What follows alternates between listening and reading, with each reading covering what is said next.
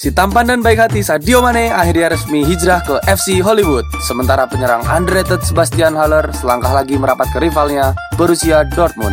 Eh eh, Romelu Lukaku balik lagi ke Inter. Ngeprank Chelsea ini ceritanya. Apa emang udah gak layak main di Inggris? Sementara itu, kita akan ngomongin bule-bule yang ada di timnas Indonesia. Dilanjut dengan kabar Persija yang mulai gas mendatangkan pemain baru dan mulai ngeberesin manajemen. Semuanya bakal kita omongin di podcast Oragol karena sepak bola bukan hanya tentang gol.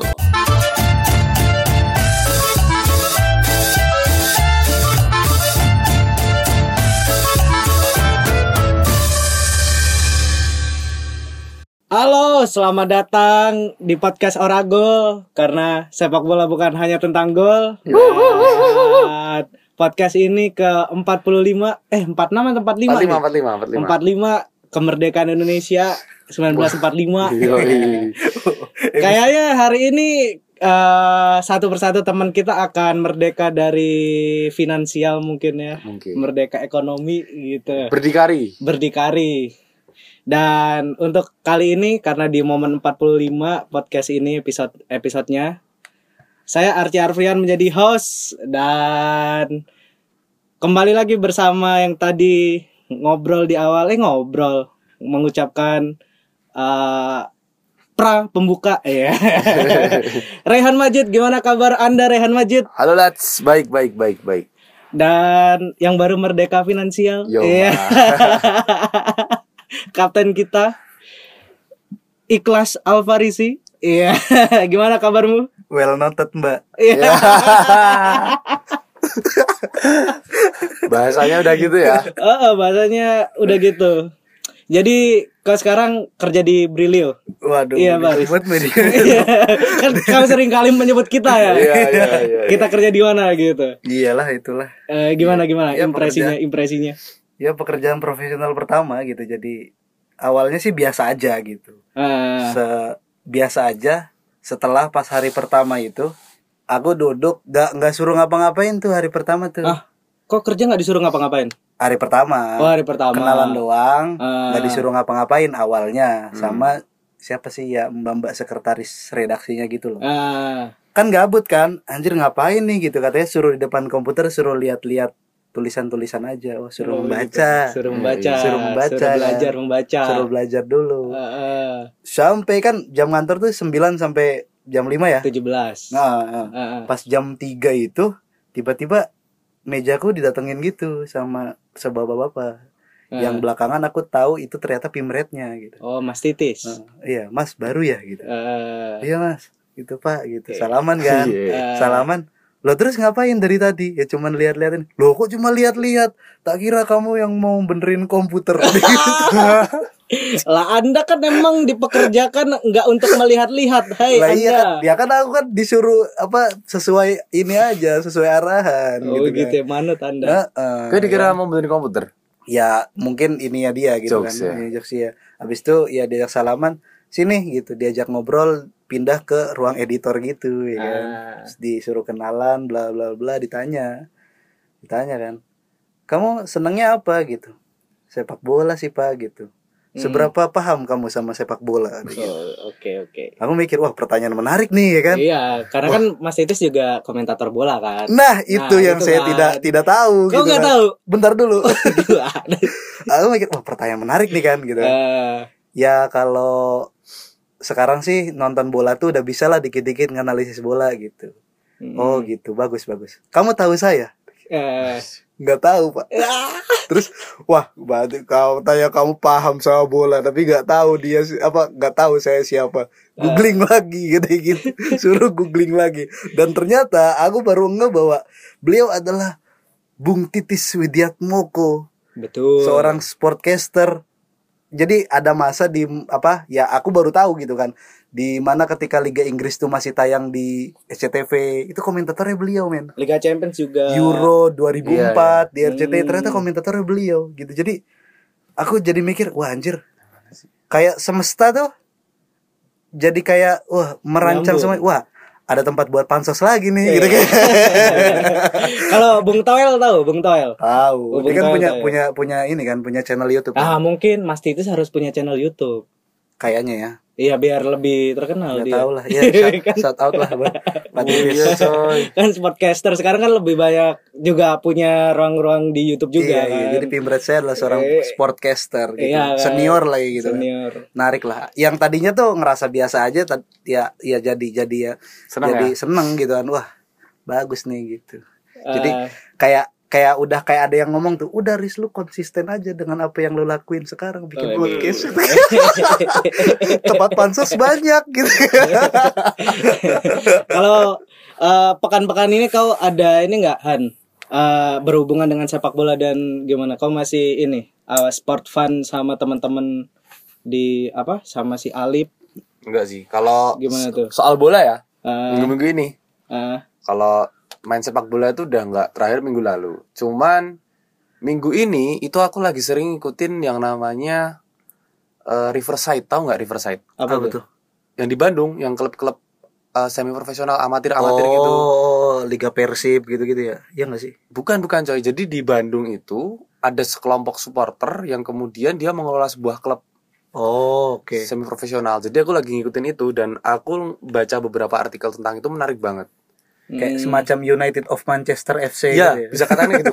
Tapi sebetulnya supporter-supporter yang ngurusin klub itu apa latar belakangnya anak-anak Persib sebetulnya. Hmm, oke oke oke. Jadi ada sebuah liga amatir di Bandung. Ah. Aku juga belum apa namanya tahu secara spesifik itu liganya gimana ya. Apakah nanti bisa masuk ke Persib atau gimana? Tapi yang jelas itu ada ada klasemennya Oke. dan ada degradasi, ada promosinya. Dan itu menarik banget. Tapi kemudian ada satu opini menarik yang kemudian aku bisa tangkap dari fenomena di Bandung itu. Eh, Riverside di Bandung itu bisa ada mungkin ya dan bisa bertumbuh dengan baik ekosistem kompetisinya karena mayoritas kompetisi itu yang ngurusin anak-anak Persib, paham nggak? Pada akhirnya muaranya sama. Iya iya iya. iya. Nah, sorry, ku potong. Hmm, hmm. Tapi kalau pada akhirnya muaranya sama kan ini jadi sentralisasi juga. Kenapa nggak? Kukira ya kalau misal The United of Manchester itu kan dia malahan berbeda dengan Manchesternya itu sendiri gitu loh. bukan iya, bukan iya. bukan itu Ci. Maksudnya sekalipun dia berbeda dengan Manchester United, tapi kan mereka kan bibitnya kan anak-anak pendukung Iya, Manchester United. Manchester United Hmm, gitu. Nah, di Bandung sama.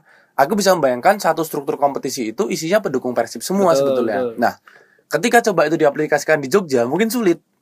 Karena- Paham nggak? Ya karena di sini Sulit. lebih lebih plural lagi supporternya dan lebih bagus gitu sih kalau menurutku. tapi kemungkinan bentrokan dan gesekan yang nggak perlu itu sem- semakin besar terjadi gitu. Untuk Oh, mencapai oke. stabilitas itu kan perlu ketentraman. Enggak, tapi kalau bentrokan di dalam lapangan oke. Kayak Ah, misal iya. nih Sleman punya punya punya kompetisi sendiri gitu dan nggak tahu nanti misal apakah nanti akan bermuara ke PSS semua juga enggak enggak enggak enggak enggak enggak diharuskan gitu loh. Iya. Tapi banyak scouting yang bakal melihat oh bibit-bibit di Sleman banyak gitu. Hmm. PSIM di kota, Persiba Bantul di Bantul gitu. Tapi kalau aku ngelihat kayak eh, di Persib ya kayaknya semua kayak kecenderungannya di Persib semua dan itu Iya sih. kalau aku sih nggak bagus ya. Tapi kalau maksudku Apa gini, Persib maksudku gitu. gini, kalau yang di Bandung terserah nanti dia masuk ke Persib atau mana pun, seenggaknya kompetisi udah bisa berjalan gitu loh, Ci. Hmm. Timnas aing Persib. Misalnya itu. Iya. Jiwa raga kami. Kan kan beda sama aku di Jawa Timur kan. Oh, iya, Jawa iya. Timur banyak coy. Iya, iya, Ya kan banyak, Arema, Perseba, ya. Persebaya Persik juga. Kediri. Ah, iya. Eh, Iya Tapi itu kan? resmi dikelola Persela sama Lamongan. langsung sama klubnya ya. Kalau Persebaya gitu. Iya. Mm. Nah kalau di Jogja aku bayangin mau buat yang semacam semacam begitu dari kelompok supporter misalnya, basicnya, aku nggak bayangin kompetisi bakal berjalan dengan lancar-lancar karena pasti ada kendala keamanan, perizinan, karena pasti kecenderungan bentroknya tinggi. Ya yang itu yang ngurus itulah At- apa Jadi jangan pampelnya lah. berpikir kalau Jog- Iya, iya. jadi jangan berpikir Jogja itu berarti nyaman gitu karena Jogja nggak berarti Enggak, nyaman. kayak kayak kematian eh, dua supporter Persib kemarin gitu kan. Mm. Kayak kayak kayak eh, panpelnya juga menghimbau bahwa eh eh, Bobotoh yang bagus dong kalau ini kalau nggak ada tiket jangan masuk lah. Kan ketika kita aku dengar space eh, di Pandit Football Mm. eh, pas Zen RS bilang itu loh kok Bobotoh lagi yang diimbau gitu. Ya kayak gitu kan yang tegas kan ya panpelnya dong kayak gitu. Iya benar-benar sepakat. Iya kan? Iya, iya. Kayak Termasuk- misal ada apa-apa yang nggak perlu ditakutkan, tapi bagaimana cara panpel itu kan mengelola kayak gitu. Termasuk Iya, opini Zen soal yang tanggung jawab bersama tuh omong kosong tuh juga keren sih. Mm-mm. tanggung jawab tanggung jawab bersama adalah tidak bertanggung jawab. Dan dilepeh bersama. Kayak kayak ini kayak di kuliahan aja lah. Iya, kayak misal mau tanya apa gitu ke mana ke mana mana tapi pada akhirnya nggak ada yang tanggung jawab gitu. Eh, kayak gitu. Dan tanggung jawab ini itu sekarang ada di Sadio Mane. Dia pergi dari Liverpool di kasta Liga Inggris yang katanya ya kan kasta paling tinggi gitu kan. Liga terbaik. liga terbaik. Iya, tetapi dia tiba-tiba pergi ke Bayern Munchen. Dan itu adalah notabene eh rival dari RB walaupun juga RB Leipzig itu udah dibilang rival dari Bayern atau enggak sih gitu. Kalau Sadio Mane kan dari RB Salzburg kan? Dulu. Ah, dulu. Langsung ke Southampton, ke Liverpool gitu. Dan sekarang dia ke Bayern Munchen kayak gitu. Ah, ada pan- pendapat kalian nggak soal ngomongin Sadio Mane dan nanti kira-kira Lewandowski ini benar-benar pergi atau enggak sih gitu? Ntar aku masih kaget sama bridgingnya dia. Gitu ya, tanggung jawab kan. Nah, Bridgingnya dia, dia pergi Bayern Munchen loh. Wing, yoi, mantap. Ibaratnya kan gini, kalau Iya. kalau kata kata klub dulu kan eh, aku lebih percaya kepada klub yang masih bermimpi, punya mimpi Oke, gitu. oke. Lah, sedangkan Bayern Munchen mimpinya udah diambil semua, coy. Oke, oke. Iya kan? Sudah selesai mimpinya. Sudah selesai gitu dan Mane sekarang ke klub yang tidak butuh mimpi. mimpi gitu kan. Iya iya ya aku sih ngelihatnya ya Sadio Mane kayaknya udah dapat segalanya ya. Dia udah udah juara Liga Champions, dia udah udah Ah. pernah juga juara eh, apa? Liga Liga Pri- Liga Inggris, Premier League dan dia juga udah pernah sama timnasnya kan timnas apa juara Piala Senegal. Afrika ya kan juara Piala Senegal ini bukan Piala Afrika sama Senegal. ya sama Senegal dia nanti juga dia udah nanti 2022 ini akan jadi Piala Dunia kedua dia gitu jadi kayak udah semua gitu dia merasa udah semua terus ya udahlah kayaknya dia udah tinggal tinggal jadi Tinggal cuan doang kayaknya ya. iya tinggal tinggal tinggal menetapkan diri sebagai ya pema apa manusia yang soleh gitu. Jadi karena karena kan dia dikenal dermawan gitu kan. Oh, biar nah biar sedekahnya lebih banyak. nah pertanyaanku mungkin. adalah ketika di Eh, Liverpool kan dia gajinya kan 5,2 juta gitu kan. Per tahun. per tahun. Nah Eh, apakah di Bayern Munchen tuh aku belum update tuh gajinya berapa banyak gitu. Kalau misalnya lebih banyak malah itu lebih menguntungkan si Sadio Mane. Dan seperti yang aku bilang tadi di awal ya dia bakal lebih jadi orang yang yang udah udah udah nggak ngejar apa-apa di sepak bola dia ya fun football aja di Bayern Munchen habis itu dia waduh, football. lebih banyak ini kan lebih iya lebih, lebih banyak akhirnya lebih banyak balik ke desanya di Bambali Senegal sana Oke. gitu Kenapa Liverpool itu menolak klausulnya Bayern Munchen itu ya? Karena Iya, iya. kayaknya juga wah Mane ini bakal fun football doang nih, nggak Iya, iya, akan jadi pemegang balon d'Or dalam Iya, lima iya. tahun ke depan gitu. ya ini opini ku pribadi se- sebagai Eh. orang yang bukan ngefans sama Liverpool jadi nggak dalam-dalam amat gitu kan memperhatikan seorang pemain tapi apa namanya ngelihat apa namanya tiga pertandingan Liverpool dan Mane di dalamnya tuh kayak dia udah main tanpa tanpa beban gitu loh kayak lagi nggak ngejar apa-apa lagi gitu sementara kan Hmm. Liverpool kan Banyak ini ambisi. kan iya Mas banyak Yan. ambisi gitu kan walaupun udah lima kali Liga Champion eh enam kali Liga Enam Champion kali. sorry salah itu pengen lagi pengen lagi masih ada ambisinya sementara ya ya bener kata Klopp tadi kan gitu kan ya dia pengen pemain-pemainnya itu adalah pemain-pemain yang ambisius gitu Eh, gokil lah Sadio Mane gimana Sadio Mane menurut kau Halan? Eh kok kau Halan kau Rehan? Ah, ah, kalau aku malah memperhatikan sebetulnya role dia ya. Dia kan winger kan. Oh iya banyak ya di Bayern Iya, Munchen di Bayern Munchen banyak banget kan ada. Kingsley Coman, Coman. Iya kan ada Serge Gnabry, ada Leroy Sané. Iya iya iya iya Cukup banyak opsi. Runner semua, pelari semua, tapi Mane juga runner. iya makanya aku bilang pelari semua. Tapi sebetulnya yang yang menarik itu bisa nggak sebetulnya Mane melampaui bayang-bayang, melampaui tabir yang telah dibuat sama Roberi nih, Robben dan Ribery gitu kan. Oke oke. oke dua oke. pemain yang selama bertahun-tahun running down the wings di Allianz Arena gitu dua sayap yang selalu dieluluhkan sama publik Allianz Arena dan setahuku pasca kepergian dua orang ini nggak pernah ada winger yang mendapat eluh-eluh yang sama gitu dari Mm-mm. supporter karena mungkin ketutup tenarnya dua orang itu tuh gimana tapi pertanyaannya kan sebetulnya Mane bisa nggak eh, melampaui hal itu aku menarik hal itu sama pernyataannya Bayern Munchen yang ingin memperlakukan Mane seperti seorang superstar Nah, Hmm. ini diksinya agak rancu nih. Superstar yang seperti apa? Melampaui yang superstar yang udah ada di Munchen atau melampaui yang dia terima di Liverpool. Mm-mm. Karena menurutku di Munchen tuh kayak ada circle abang-abangan yang abadi gitu loh. Kayak kayak Iya. kayak gimana? Iya iya Ya iya. kan? iya. Ada si eh, Robben, Hmm. Ribery, Manuel Neuer, terus Muller, Muller. Schweinsteiger, Iya, sama iya. Philip Lam. Nah, Berenam. Itu iya, iya. abang-abangan yang abadi kayak apa pun eventnya. Sekarang tinggal Muller sama si Neuer ya. Heeh. Terus buat lagi waktu itu pernah foto bareng lagi gitu, foto ikonik yang gayanya macem-macem itu. Ah. Abang-abangannya baru lagi. Ada siapa? Neuer, Ah, Muller, Lewandowski, oh Lewi. ah, Lewandowski, terus si Rapinya, Rapinya. Rapinya terus siapa gitu. Jadi Munchen tuh aku perhatikan Munchen, selalu iya. punya abang-abangan gitu, senior-senior. iya, senior, Atau senior. aku lupa coachnya siapa, tapi orang-orang yang selalu membuat Munchen juara Bundesliga. Iya, Gitu iya. loh. Ya di, Kayak- man- di manajemen kan ada ada Oliver Kahn masih ada. Ya gitu, gitu. Jadi Oliver dari tahun ke tahun selalu ada. Nah bisa nggak Mane sebetulnya menjawab itu? Jadi kan ngomongin superstar yang seperti apa? Nah terus kemudian ku tarik lagi tadi di Liverpool dia gimana sih? Apakah selama ini benar bahwasanya kehebatannya Mane itu banyak ketutup sama salah juga sebetulnya? Iya iya iya iya. Coba kalau kita buka statistiknya, apakah salah betul-betul lebih berpengaruh Kalau daripada? statistik iya. Iya sih, iya kah? Iya dari gol dan assist salah lebih lebih lebih eh, punya power daripada Hmm, Mane oke. gitu. Tapi aku memperhatikannya justru ya ini aku bukan fans Liverpool ya. Ah. kalau aku memperhatikannya justru memang belakangan aku merasa Salah itu selalu dapat spotlight yang harusnya itu punya Mane. Itu pertama. Terus kedua, Salah selalu mendapatkan porsi bermain yang aku merasa Salah nggak effort buat dapat spot itu loh. Karena dia melakukan banyak kesalahan, dia melakukan uh, underperform misalnya, tapi Ah. Mane selalu yang digeser gitu. Aku ngerasanya seperti itu. Jadi apakah mungkin atas dasar hal itu kemudian manajemen Bayern Munchen mau memperlakukan Mane seperti seorang superstar. Salah satu tandanya di Allianz Arena tiba-tiba ditulis Mane gitu kan. Di stadionnya itu kan mereka kan bisa mainin lampu-lampu di, di- di- Ah. di stadion itu kan. Allianz Arena gokil Mane emang. Tiba-tiba Iya, iya. Mane gitu kan. Wah, Iya, ini iya, iya, menarik sih sebetulnya kita tunggu aja. Tapi ini loh kecenderungan dari pemain yang keluar dari Liverpool itu akan selalu flop di eh, klub barunya. terbarunya. Terbaru kan Wijnaldum. Wijnaldum. Biasa Iya. aja ya di PSG ya. Bukan biasa aja dia nomor satu pemain paling flop loh. ya, ya. Oh iya. Iya. Di Liga Prancis ya. Kirain Dia nomor Messi satu loh.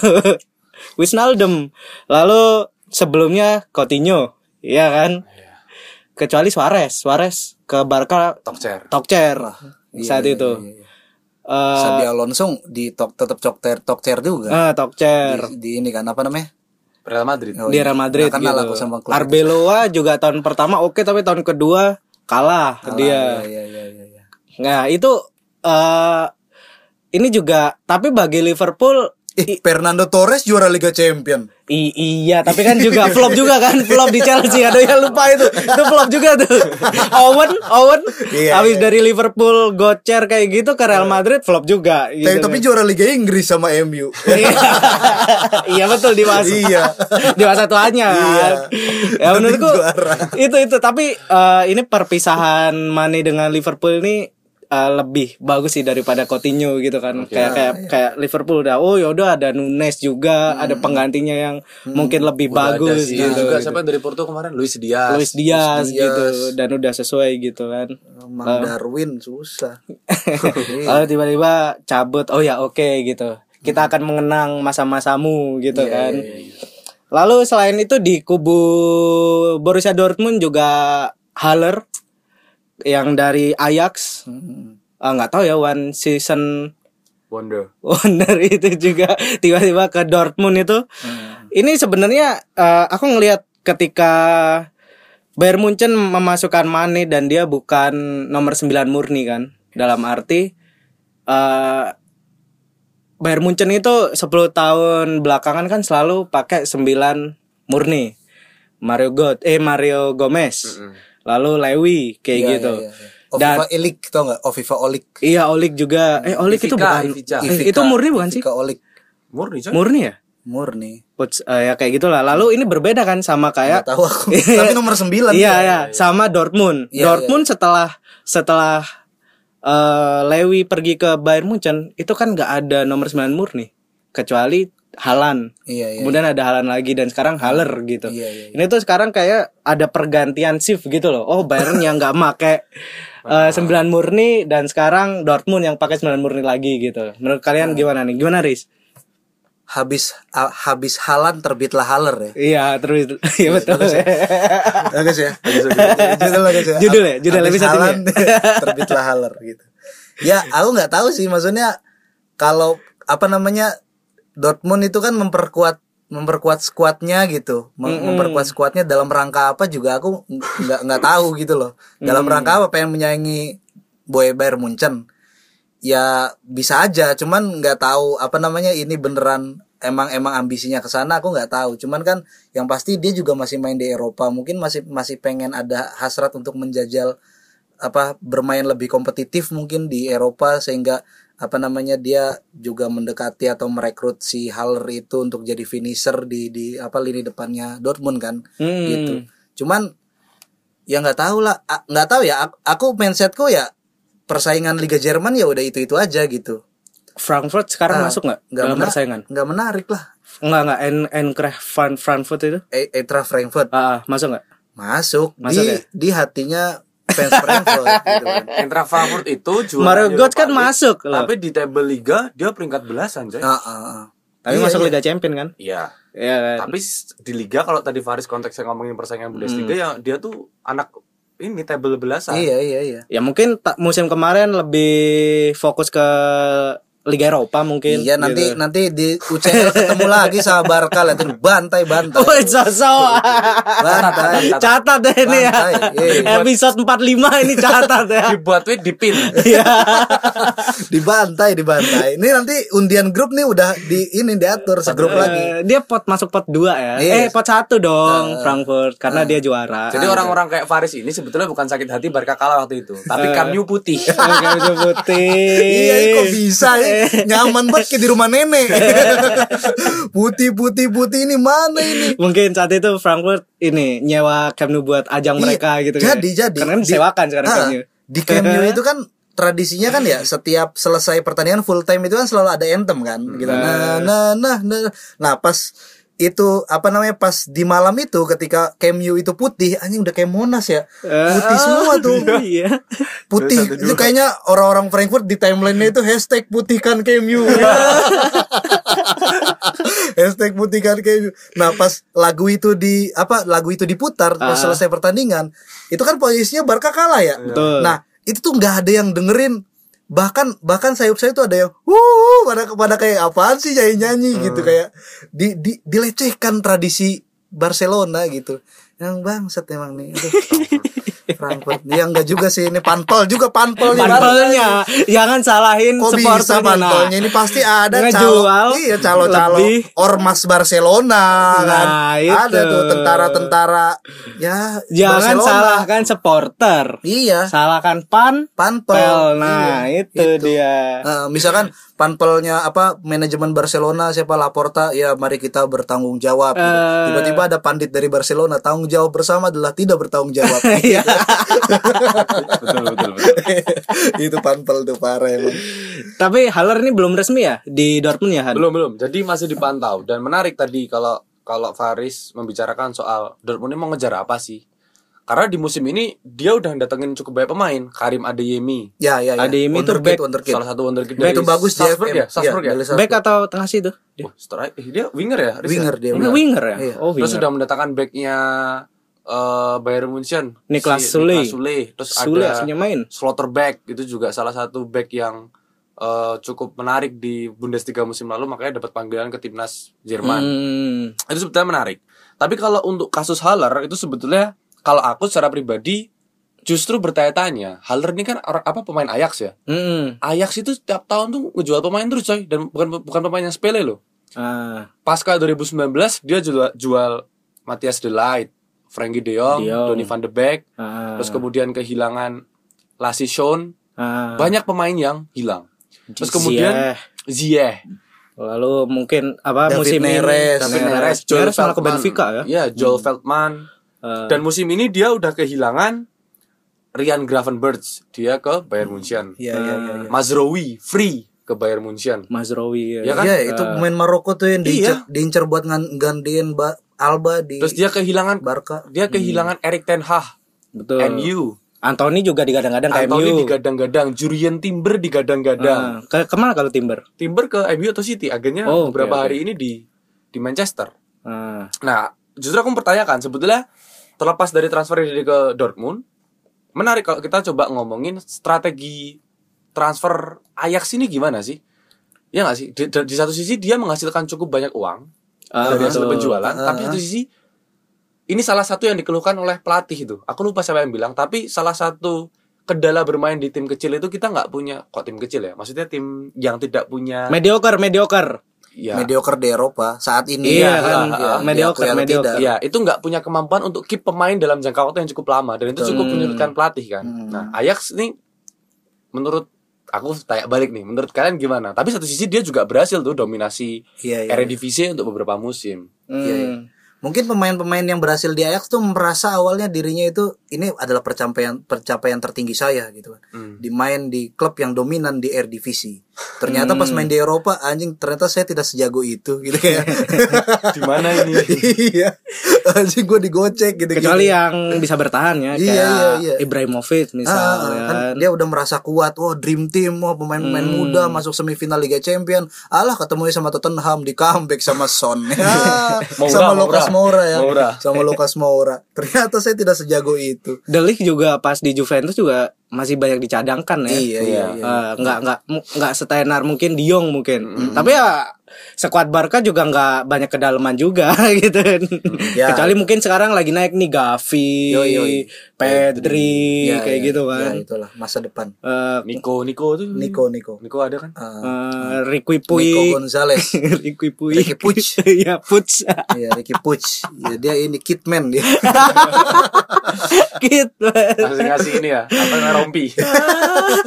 Kalau menurutku Ajax ini malah sekarang kayak lama sih ya sih dalam arti ya udahlah dikembangin di sini jual kayak gitu dan kalau melihat kayak gitu manajemennya Ajax itu nggak bakal kesulitan juga untuk mencari bibit pemain kayak Iya, ya iya, iya. kayak RB Leipzig sama RB Salzburg juga kayak gitu sebenarnya ya iya, iya, iya. kayak apa namanya Minimano gitu Ah, waduh Minamino. Min, Minimano Minamino. Minamino. Oh Minamino ya namanya. Pemain- Anjir gara-gara coach Justin jadi ya Minimano.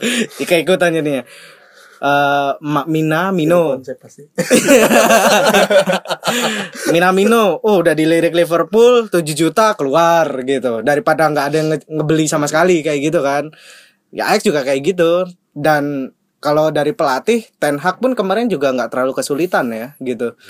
Karena mungkin emang sistemnya dari akademi banget sampai di tim Senior. utama itu sistemnya berjalan sama kayak gitu loh 4-3-3 pokoknya 4-3-3 gitu. Orang-orangnya udah siap main di posisi Eh, eh, kayak gitu. Tapi ketika di level Eropa ya beda lagi kan, kayak Ya. gitu. Nah, aku menarik nih kalau kita nanti mungkin kita pu- bisa punya episode khusus ya yang bahas soal tim-tim penghasil talenta-talenta besar di Eropa tapi sebetulnya Iya, di iya. Eropa kita ngomongin konteksnya Eropa ya. Itu dia Hmm. sebetulnya nggak nggak bisa berkembang lebih baik dari musim-musim sebelumnya misalnya. Karena Hmm. di Ajax dengan tagline Ajax for the future kan itu menandakan banget mereka emang memproduksi pemain gitu kan. Hmm. Sama kayak di Benfica. Benfica juga jadi klub dengan perolehan income terbesar Oh iya, selama lima tahun Porto terakhir dari dia. hasil Iya, penjualan iya, transfernya. Ah. Darwin Nunes, terus kemudian Joao Felix, Ah. Angel Di Maria. Pemain Wolverhampton itu Ah. dari Benfica. Ya kalau kalau gitu. kalau aku lihat ya sepak bola dalam kacamata industri ya butuh klub kayak Ajax, butuh klub kayak Shakhtar Donetsk, butuh klub kayak Benfica. Benfica, Salzburg gitu kan, Leipzig gitu-gitu. Iya, iya. Malahan kalau Ah, sekarang sama kayak Ah. industri global gitu, industri Betul, secara betul, global butuh ya daerah sesubur Indonesia gitu-gitu. Iyalah. Iya betul. Iyalah. Ya, iya ya, gitu cari kan. bibit ya. Heeh, butuh ya butuh tanah se apa namanya sekaya Kalimantan gitu-gitu. Ah, untuk dikeruk ya oke ya entah oke. diapain ya, Ya. gitu kan diberdayakan gitu Ah, kan diberdayakan. iya untuk untuk untuk ya untuk menstabilkan ke industri ini bayangin aja sepak bola balik lagi sepak bola ngapain Kalimantan misalkan klub Ajax nih dia ngerubah visinya gitu kan wah dia pengen keep dia pengen jadi juga dominan kayak Real Madrid gitu kan nggak seru men Hmm. nanti dari mana klub-klub apa uang Arab nggak ada gunanya nanti Iya kan? Iya, Iya kan? beli siapa gitu ya? Man City mau beli siapa gitu. Ah, Man City. Yoi, Man City mau beli siapa? Dia mau ngandelin akademinya anaknya Beckham ya elah nggak nggak ini ya nggak tahu ya aku aku tapi kan udah ada kan didikan City yang yang moncer kan kayak Phil Foden. Phil Foden gitu kan terus Ah. eh, ya kayak gitu ya ya menurutku ya itu udah kayak aku nggak mau nggak nggak ngomong nggak mau ngomong ini adalah Hukum pasar. hukum pasar gitu tapi ya kenyataannya seperti itu gitu loh. Betul, betul. Bayangkan what if kalau misalkan Ajax itu merubah visinya, dia mau keep gitu kan, berani menawarkan gajinya nanti talenta-talenta selanjutnya itu gaji yang lebih bas, gaji yang lebih besar gitu-gitu, ya akan sulit, nggak seru gitu. PSG mau beli siapa gitu. Tapi mungkin ini juga tergantung dari ini juga ya, apa namanya? Eh, liganya juga ya. Ah, ah, Kayak iya, liga liga oke lah sekarang liga Inggris yang paling nomor satu gitu. Iya, iya. Ya udah semua pada migrasi ke sana Ah, gitu kan. iya, kayak kayak banyak pemain Porto Benfica juga banyak tuh migrasi yang Liga Inggris Liga kayak Inggris, promised kayak land kan. gitu ya. Heeh, kayak kayak misal tahun 1990-an 2000-an Serie A gitu. Nah, Banyak eh, orang Belanda, Jerman juga ke Serie A kayak gitu. Spanyol Ah, juga ke Serie A gitu. ya ukurannya gini lah. Apa pemain-pemain yang berkarir lama di Liga Inggris setelah pensiun jadi jadi pundit, jadi Hmm. reporter, jadi komentator. Kalau di Liga Belanda kan ya pensiun serabutan jadi satpam klub striptease. gitu kan. Kering, bu kering. iya kan ya itu Naturalisasi itu, itu ya? udah jadi ukuran gitu loh kok gini sih Itu pensiun bagus loh. iya Pekerjaan eh, apa yang saya lakukan ini adalah klub terbaik yang pernah saya bela. Ah, bagus Ah, main di klub mana klub striptis ya ampun ya tapi wah seri ya nggak tahu ya kita mau prihatin atau gimana sama Johnny Ya udah jalannya gitu kan. Nggak prihatin juga kali aja emang di situ dia eh apa? Bukan bahagia tapi cuannya lebih banyak gitu. bisa jadi Kan kalau di framing media kan jadi miskin gitu. Kan Tahu kita nggak tahu Ah, ya. tahu nggak julukan dia waktu dia kan sempat main di Feyenoord kan Feyenoord Ya. Ya. julukan dia apa coba Apa? Johnny the Burger King karena karena iya karena dia gempal berat badannya makin naik gitu kan. terus Ah. emang lamban juga gitu ya Johnny the Burger King Itu di Feyenoord padahal main bareng gini Wijnaldum. loh. yo ih, mantep dia Iya, iya. Iya. Ngomongin orang-orang yang naturalisasi ini, Waduh. waduh, kan Saya menemu. terima kasih Baris, saya diberi jembatan. saya nemu saya Jadi ada ada beberapa eh, bule-bule di Garuda Muda kita ini ini menyongsong Piala Dunia U20 itu 2023 juga ya. 2023. 2023 juga di Indonesia itu ada beberapa nama seperti Kai Boham, Jim Crockway dan Max Christoffel yang akan ber ini gimana administrasinya udah beres belum? Kita akan ngomongin itu dulu. Jadi posisinya mereka ini masih diseleksi. Oh ikut seleksi Ya, dia diseleksi sama Ki- siapa? Shin. Sintayong dong. Eh, Eh, itu kan bentar-bentar aku apa motong se- sedikit aja Ah. itu kan Piala Dunia under 20. 20 kan Ah. berarti Elkan Bagot masih bisa masuk bisa. dia kan ini kan 19 19. Beberapa di timnas juga masih bisa. Cuman masa sih Elkan Bagot mau masuk um, kan ya, wah, Senior. Iya langsung dia nggak jadi nggak jadi perpanjang kontrak. Lanjut. itu gimana tuh tahapan sekarang apa seleksi, seleksi administrasi gimana tuh? Jadi yang aku baca itu si Kai Boham, Jim Kroku sama si Christopher ini sedang dalam pantauan si Sintayong. Jadi Hmm. kemungkinan besar dengan statement ini bukan tiga-tiganya yang akan dinaturalisasi, Hmm, tapi salah satu. salah satu atau salah dua aja gitu. Tiga berarti juga bisa dong. Ya mungkin, mungkin. Ah, iya dong, kan salah satu salah dua. Kenapa nggak tiganya kalau misal tiga tiganya bagus Ya, gitu kan? Intinya masih dalam pantauannya Sintayong. itu ada yang gitu. pemainnya back nggak ini dari di antara ini?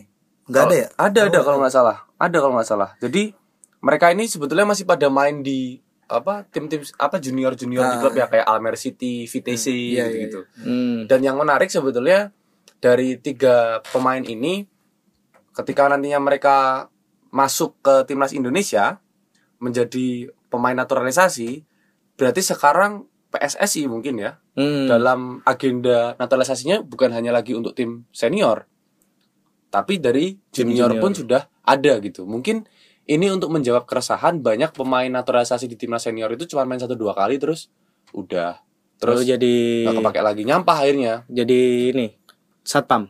jadi satpam lah Ya, enggak lah masih muda masa jadi satpam. bukan coy maksudnya ini yang kemarin-kemarin itu loh. Oh iya. Kan banyak. Ini Mark Christoffel ini back ternyata. Hmm. Ya harus siap-siap saingan sama Kakang Rudianto lah.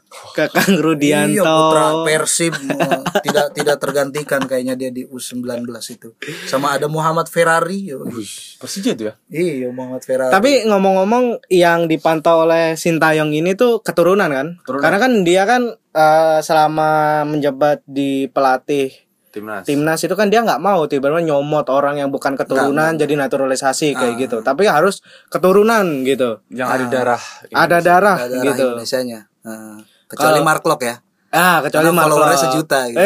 Iya, bisa. Bagus, ketahanan konten. bagus, bagus. Biar bisa nambah engagement Iya, ya. iya, iya. Oh Boleh- ya kayak boleh gitu. Mark Lok ke Dubai, boleh pakai sarung, Eh. pakai gamis, ya, boleh, boleh. Bebas. Tapi ini eh, ada itu nggak sih ada apa namanya perakiraan siapa sih nanti eh, pemain-pemain yang bakal menonjol di timnas U20 Piala Nah, Dunia Asia kalau ini? dari yang eh, Piala aku- Dunia Asia, Piala Dunia di Indonesia Aku ini. baca di artikel itu yang paling mendapatkan sorotan dari si Sintayong itu adalah si Kai Boham. Dia di posisi apa nih? Kai Boham kalau nggak salah midfielder.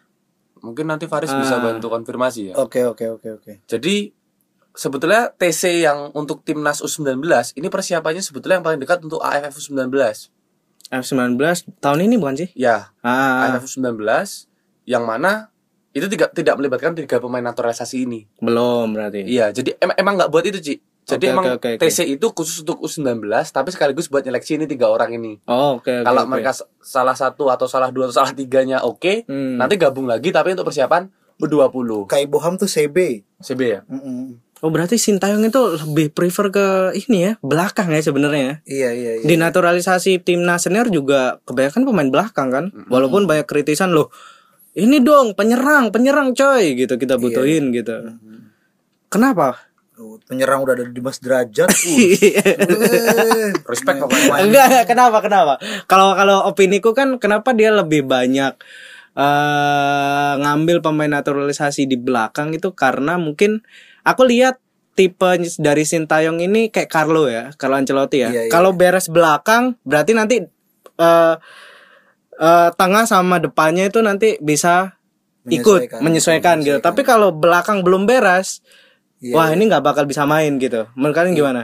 ya menurutku filosofinya menarik gitu kayak yang penting kita selesaikan dulu nih dapur prahara rumah tangga ya kan ya kan, Oke, kan oke, jangan oke. sampai di osak asik oleh tim lawan gitu kan Eh, karena ya apa namanya pemain belakangnya hebat selain dia juga bisa bisa apa piawai ya jago mengamankan gawang ya dia juga Piawai. iya dia anjir bahasaku gokil sekali Habis ketemu Bung Titis. Langsung apa namanya dia dia itu buktinya kayak Elkan Bagot dia juga bisa cetak gol jadi urusan Iya. di sepak bola modern hari ini tuh ya urusan cetak gol tuh nggak melulu striker. urusan striker walaupun ya itu tugas utama striker tapi kan ya Hmm. udah ada Dimas Derajat tapi Dimas Derajat kan nggak bisa ke belakang kan Nggak bisa. nah, nah, dia dia ya apa Menjaga namanya derajatnya dia. ya menjaga Di derajatnya atas loh. biar nggak offset ya. Derajat kemiringan Ya. gitu-gitu kan apaan ini? Apaan lanjut, lanjut, lanjut. ya maksudku itu aja makanya filosofinya Sintayong kelihatan di situ gitu jadi dia urusan mencetak gol tuh bisa dilakukan oleh siapa aja yang penting tim Oke, main oke. solid gitu kan yang penting pertahanan ini karena pemain apa pertahanan itu ya hanya bisa dilakukan oleh pemain yang tipikalnya bertahan gitu Hmm. nggak semua pemain apa menyerang penyerang itu bisa bisa Bertahan. solid dalam bertahan tapi eh, back itu itu pasti selalu punya potensi untuk mencetak gol gitu Eh, aku jadi keingat ini sih kayak Italia di Piala Dunia 2006 itu kan. iya iya iya iya. Eh itu kan saat itu kita nggak tahu strikernya tuh menurutku nggak ada yang benar-benar yang maksudnya nggak dalam Gilardino pace yang patch yang Baik. bet- betul baik itu Iya, kayak iya, gitu iya. loh. Del Piero. Eh, Del Piero Del Piero bukan penyerang coy, dia kan Trequartista. eh, winger ah, dan banyak trequartista yang dipakai Iya, gitu. iya, iya, iya. Ketika 2006 itu Heeh, heeh. Yang semua orang tuh bisa nyetak gol coy. Iya iya. iya. Materazzi, Ah. Fabio Cannavaro satu-satu semua tuh. Fabio Grosso. Oh, Fabio Grosso Penalti ya kan. Enggak, Materazzi penalti penentu. Enggak, dia Grosso, nyetak coy. Grosso itu yang nyetak gol lawan semifinal lawan Ah, Jerman. Iya. Jadi semua semua tuh bisa nyetak gol satu satu satu kecuali Gilardino dua Sama dia. Buffon. Gak bisa nyetak iya, gol dia. Belum. Bunuh diri dong nanti. Iya. Bisa dong gitu. Kecuali penalti. Iya. itu bisa sampai kiper ya. Ah. Sayangnya enggak gitu kan. Nah, itu juga aku ngeliat ketika Liverpool awal-awal Jurgen Klopp ke Liverpool gitu dia ngelihat, oh iya anjing nih backnya kayak gini-gini banget gitu. Sebutkan sebutkan back-backnya. Muhammad Sissoko, Yoi. Klavar, Mamadou Sakho. Iya Mamadou Sakho, lalu siapa? Klavar, Martin Skrtel. Martin Skrtel langsung Klavar Siapa? siapa, itu? Siapa Ragnar itu? Klavan. Ragnar yang Klavar posisinya itu. sekarang digantiin sama Arnold siapa? Itu itu dulu Nathaniel Moreno. Klein. Johnson Alberto, apa ya? Alberto Moreno. Moreno itu Oh, digantiin di sama Robertson. Nathaniel Klein. Nathan Klein gitu kan yang bisa cuman kayak Wan Bisaka Iya, nekel doang nggak bisa cetak gol atau kasih. Iya. Lalu dia ngebeli Van Dijk, lalu Lovren masih dalam performa yang bagus. Hmm. Kiper saat itu sebelum Alisson tuh siapa yang ngeblunder itu? Karius, Karius, Karius. gitu Iya, kan. Tapi ketika ngeliat Karius jelek juga Alisson lah 65 Iya, juta pounds itu kan. Dan menurutku juga aku ngelihat Sinteng juga kayak gitu sih. Jadi dia belakang dulu nih, Nah. belakang, belakang. Setelah selesai barulah yuk satu-satu kecuali kalau dia diperpanjang ya kontraknya. Iya, itu mungkin yang jadi alasan kenapa Sintayong ya sampai sekarang nggak nggak kunjung memanggil ini Spasojevic. Oh, Oke. Heeh, satu mungkin dia ininya pengen ya mem- apa namanya Indonesia tuh yang ada ras Indonesia aja yang usah terlalu banyak lah gitu kan. Darah, darah, darah. darah darah Indonesia aja gitu kan. Terus ya Spasojevic ada ada pun ya nggak menurut apa namanya nggak jaminan Indonesia bakal menang terus terusan gitu loh. Hmm. Karena misalkan ya kita ya mungkin apa pada dasarnya Sintayong juga realistis bahwa Indonesia tuh bukan tim yang jago gitu loh. Hmm. Kayak gitu. Makanya dia ngumpulin ini investasi buat dia nanti jangan sampai diobok-obok di Piala Asia. Ya kan? Ah. Piala Asia nanti ketemu jangan grup neraka deh ya, ya kontestan 24 kontestan yang ada kan ngeri-ngeri semua itu. Gokil. Thailand aja udah ngeri. iya, Thailand aja udah ngeri. Berarti kita sebenarnya nggak mendukung ini ya. Dua tiga gol tapi you still win win apa The game. the game dengan banyak gol itu sekarang juga eh, sepak bola modern juga nggak kayak gitu juga ya. Tapi pertahanan klinis Ya, dan kau bisa ngegolin satu ide- gol. Iya. Ngegolin satu gol kayak Real Madrid it still win a game ya kan. Coach Justin kan nggak apa-apa bertahan, yang penting jangan parkir bis gitu. Iya. Lah iya nggak apa bertahan, yang penting organisasinya bagus gitu kan. Korsel parkir bis bisa mulangin Jerman kan Wah. di 2018. Bagus ya. Ah, kita eh, setelah dari Garuda Muda eh, Thomas Doll, aku belum pernah ngelihat ini sih Persija di bawahan eh, diarahin sama Thomas Doll main tuh kayak gimana di Piala Presiden gitu ya. Eh, Tapi banyak eh ekspektasi bisa aku bilang kayak gitu. Waduh, Thomas Doll eh, dari Dortmund. Lalu kemarin datengin pemain siapa? Ondrej Kudela Nah, dengan dari mana dia tuh? Dari Slavia Praha. dari Slavia Praha dan masih bermain di timnas Ceko ya kan itu back ya. Eh. Nah, per hari ini tuh dia dat- resmi datengin juga Mikhail Rumencik, Rumencik, Kremenic. Kremenic ya. itu sorry, dari sorry. mana tuh Dari Slavia Praha juga dan dia striker. Timnas, timnas Ceko Ya, juga. sama-sama timnas Ceko kalau yang Kudela itu back, ini striker. dan berarti ekspektasinya semakin menggunung ya kalau kayak gitu ya Ditambah rumornya Persija sedang mengincar ex strikernya Celtic kalau nggak salah. Heeh, Striker iya, atau back ya? Iya, iya, buat ngisi slot Asia kan. Iya, pemain, Tom Rogic. Nah, Tom Rogic pemain pemain Australia. Iya, pemain Australia. oh tunggu bentar aku pengen tahu sih slot Asia dan slot Eropa atau asing itu gimana jadi sih gimana pemain sih asing tuh ada empat. Empat slot. oh maksimal ada empat slot Empat slot. asing tuh dari mana aja Eropa Tiga itu Amerika Selatan tiga itu apa namanya tiga itu apa Eropa dan Commonwealth Hmm. satu ini wajib untuk AFC oh, oke Nah, pokoknya tiga itu bebas dari mana aja tapi satu harus AFC Harus oh Asia. kenapa apa namanya banyak banyak pemain Jepang ke sini ya iya, kayak iya, gitu iya. pemain Jepang lukiran atau yang mau awal Pemain ke sini Palestina itu kan. Iya, pemain Palestina AFC. Muhammad siapa Nah, Tom? Rogic nih kan Rashid. Ya, Rashid. ini kan Asia rasa Eropa kan karena Iya. orang Australia gitu kan. Wah, ini mantep ini kalau misalkan datang ke apa namanya Persija. Cuman Hmm. aku tuh pengen apa heran sama statementnya Thomas Doll yang tidak mementingkan Piala Presiden. Head Di- speech, head speech. enggak disangkanya enggak enggak bukan head speech, Head speech, head speech. Bukan head speech, disangkanya itu kompetisi di Indonesia itu sibuk ya kan padahal cuma satu kompetisi ya Iya, Liga satu doang Liga gitu kan. satu habis doang. itu ya udah gitu nah Piala Presiden itu kan bisa dianggap sama klub-klub lain ya pramusim kompetisi kan, pramusim Nah, itu kan resminya kompetisi pramusim. Cuman kan tensinya sangat tinggi. Ah. Kenapa? Karena itu ya piala apa kompetisi selanjutnya setelah Liga 1 menurutku. Oh Jadi, gitu gitu Ya wajib untuk diperjuangkan lah. tapi Bali United juga nggak memperjuangkan Ya, karena dia dia lebih AFC. nah lebih milih AFC dia Ah, gitu Iya, karena ada ada prioritas lain gitu kan yang Ah. levelnya lebih berbeda gitu. Ah. Sementara klub-klub kayak Persi Kediri, Persi Bandung malah yang Dewa Yang United eh, punya malah prioritas nggak punya prioritas. Rans United Nah, Persi Bandung kan KFC Cup baru tahun depan kan. tahun depan ya Iya itu nggak tahu kalau ada covid gelombang selanjutnya kayaknya nggak jadi. nggak bercanda. Ya ya itulah pokoknya. Ya jadi nggak apa namanya bagi tim-tim yang mungkin kecewa harus melihat Bali United juara back to back ya kapan lagi dia bisa apa apa namanya bisa menanamkan ambisinya juara di level kompetisi Indonesia gitu loh. Piala Presiden 2020 kemarin kan dimenangi oleh Persija Oke. Iya kan Piala Menpora sorry. presiden kan Enggak. udah presiden Menpora. bukan sih Menpora dulu ya presiden sebelumnya itu apa sih siapa sih nggak tahu aku. Nggak tahu Enggak yang 2020 Piala Menpora ya? Iya, yang Bukan masih ada- presiden iya, ya? iya, oh, oke oke oke Piala oke. Menpora. Piala Menpora masih ada Mark Klok kan di Ah, Persija iya, dan mereka menang. Tahun ini kira-kira Persija bisa nggak sih? Gak bisa karena emang Thomas Doll kan dari awal udah ngebagi tim menjadi Oh, dua gitu. dua slot gitu loh. Slot pertama yang inti, slot kedua pemain-pemain muda dan di fase grup yang banyak dimainkan itu justru pemain-pemain muda. Oh, kenapa di mereka di dasar klasemen ya? Iya, iya Di gitu. klasemen A. nah itu menarik Oke deh, tuh oke deh. Eh, Thomas Doll nih jadi kalau ya menurut Faris mungkin seperti itu tapi dalam Nggak, aku bilang nggak bisa nggak bisa tiba-tiba juara plot. Iya, catat episode ini ya.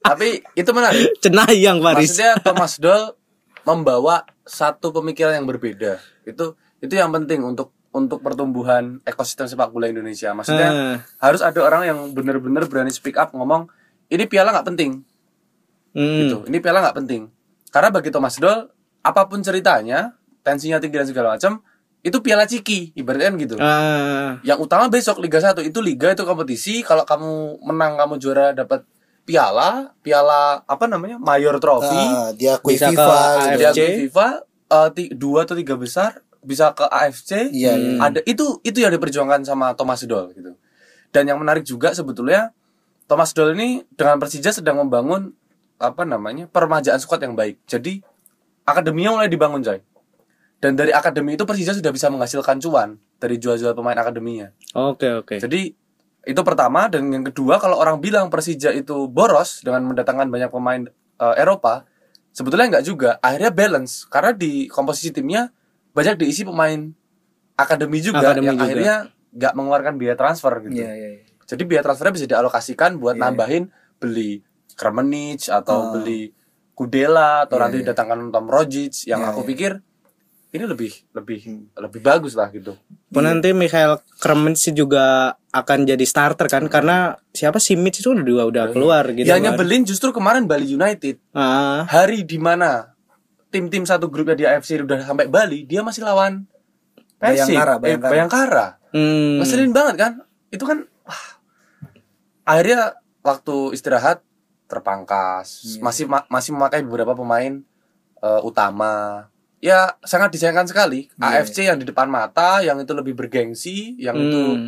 juga membawa nama baik bangsa barangkali ya, di- Iya, iya. dianggap seperti itu justru ya Bali kurang persiapan kalau aku bilang. Otomatis dia cuma punya istirahat 4 hari sampai pertandingan selanjutnya. Atau malah mereka udah punya persiapan kan Karena di Piala Presiden kan Daripada uji coba uji coba Ah, Lawan jadi diseriusin Iya lebih di, kayak kayak UEFA Nation League lah ya Ah, iya. Kayak gitu ya Iya, iya, iya, iya. Jadi lebih punya persiapan menurutku gitu Bisa jadi. Tapi tapi mungkin eh, kelelahannya Karena kan Iya. jarak dan sebagainya itu juga juga perlu diatur gitu kan Yoi. Iya betul betul betul betul.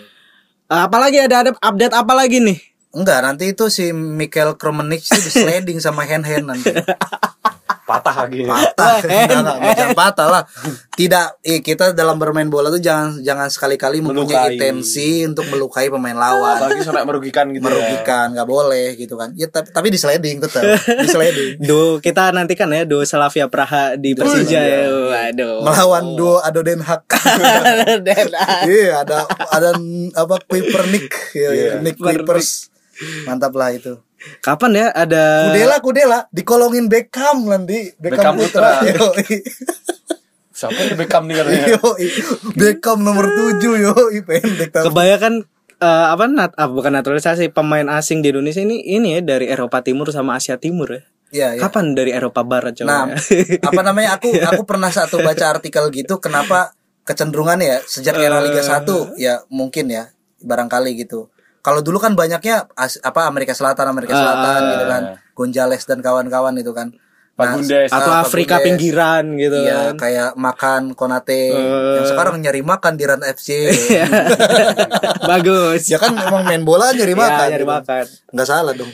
Nah, apa namanya sekarang itu lebih banyak pemain-pemain dari Eropa Timur karena menurut agen yang sering kali mendatangkan itu Mas Gabriel Budi. Hah? Nah, menurut dia tuh tipikal pemain-pemain Asia Timur itu Eropa Timur. nggak neko-neko, profesional ketika dia dia mungkin orangnya apa namanya dikenal urakan, pemberontak segala macam itu di negaranya sendiri. Tapi ketika dia apa merantau pergi, dia tuh ada tipikal adalah tipikal orang yang profesional, setia, bahkan di luar lapangan pun gak main-main dia emang udah punya pasangan gitu-gitu. Oh, gitu, oke. Dia orang yang family man gitu kan, yang istrinya dibawa liburan segala macam harmonis lah gitu-gitu. Jadi emang jadi menguntungkan bagi klub gitu, Hmm. kayak gitu nggak tahu ya kalau Marco Simic Mar- Marco Simic kan Kroasia Iya, juga Eropa Timur juga. Eh, barat ya, Bukan, barat. ya Balkan, dia. Balkan Balkan. iya iya, gitu Ya, begitulah update kita hari ini di episode 45 podcast Oragol.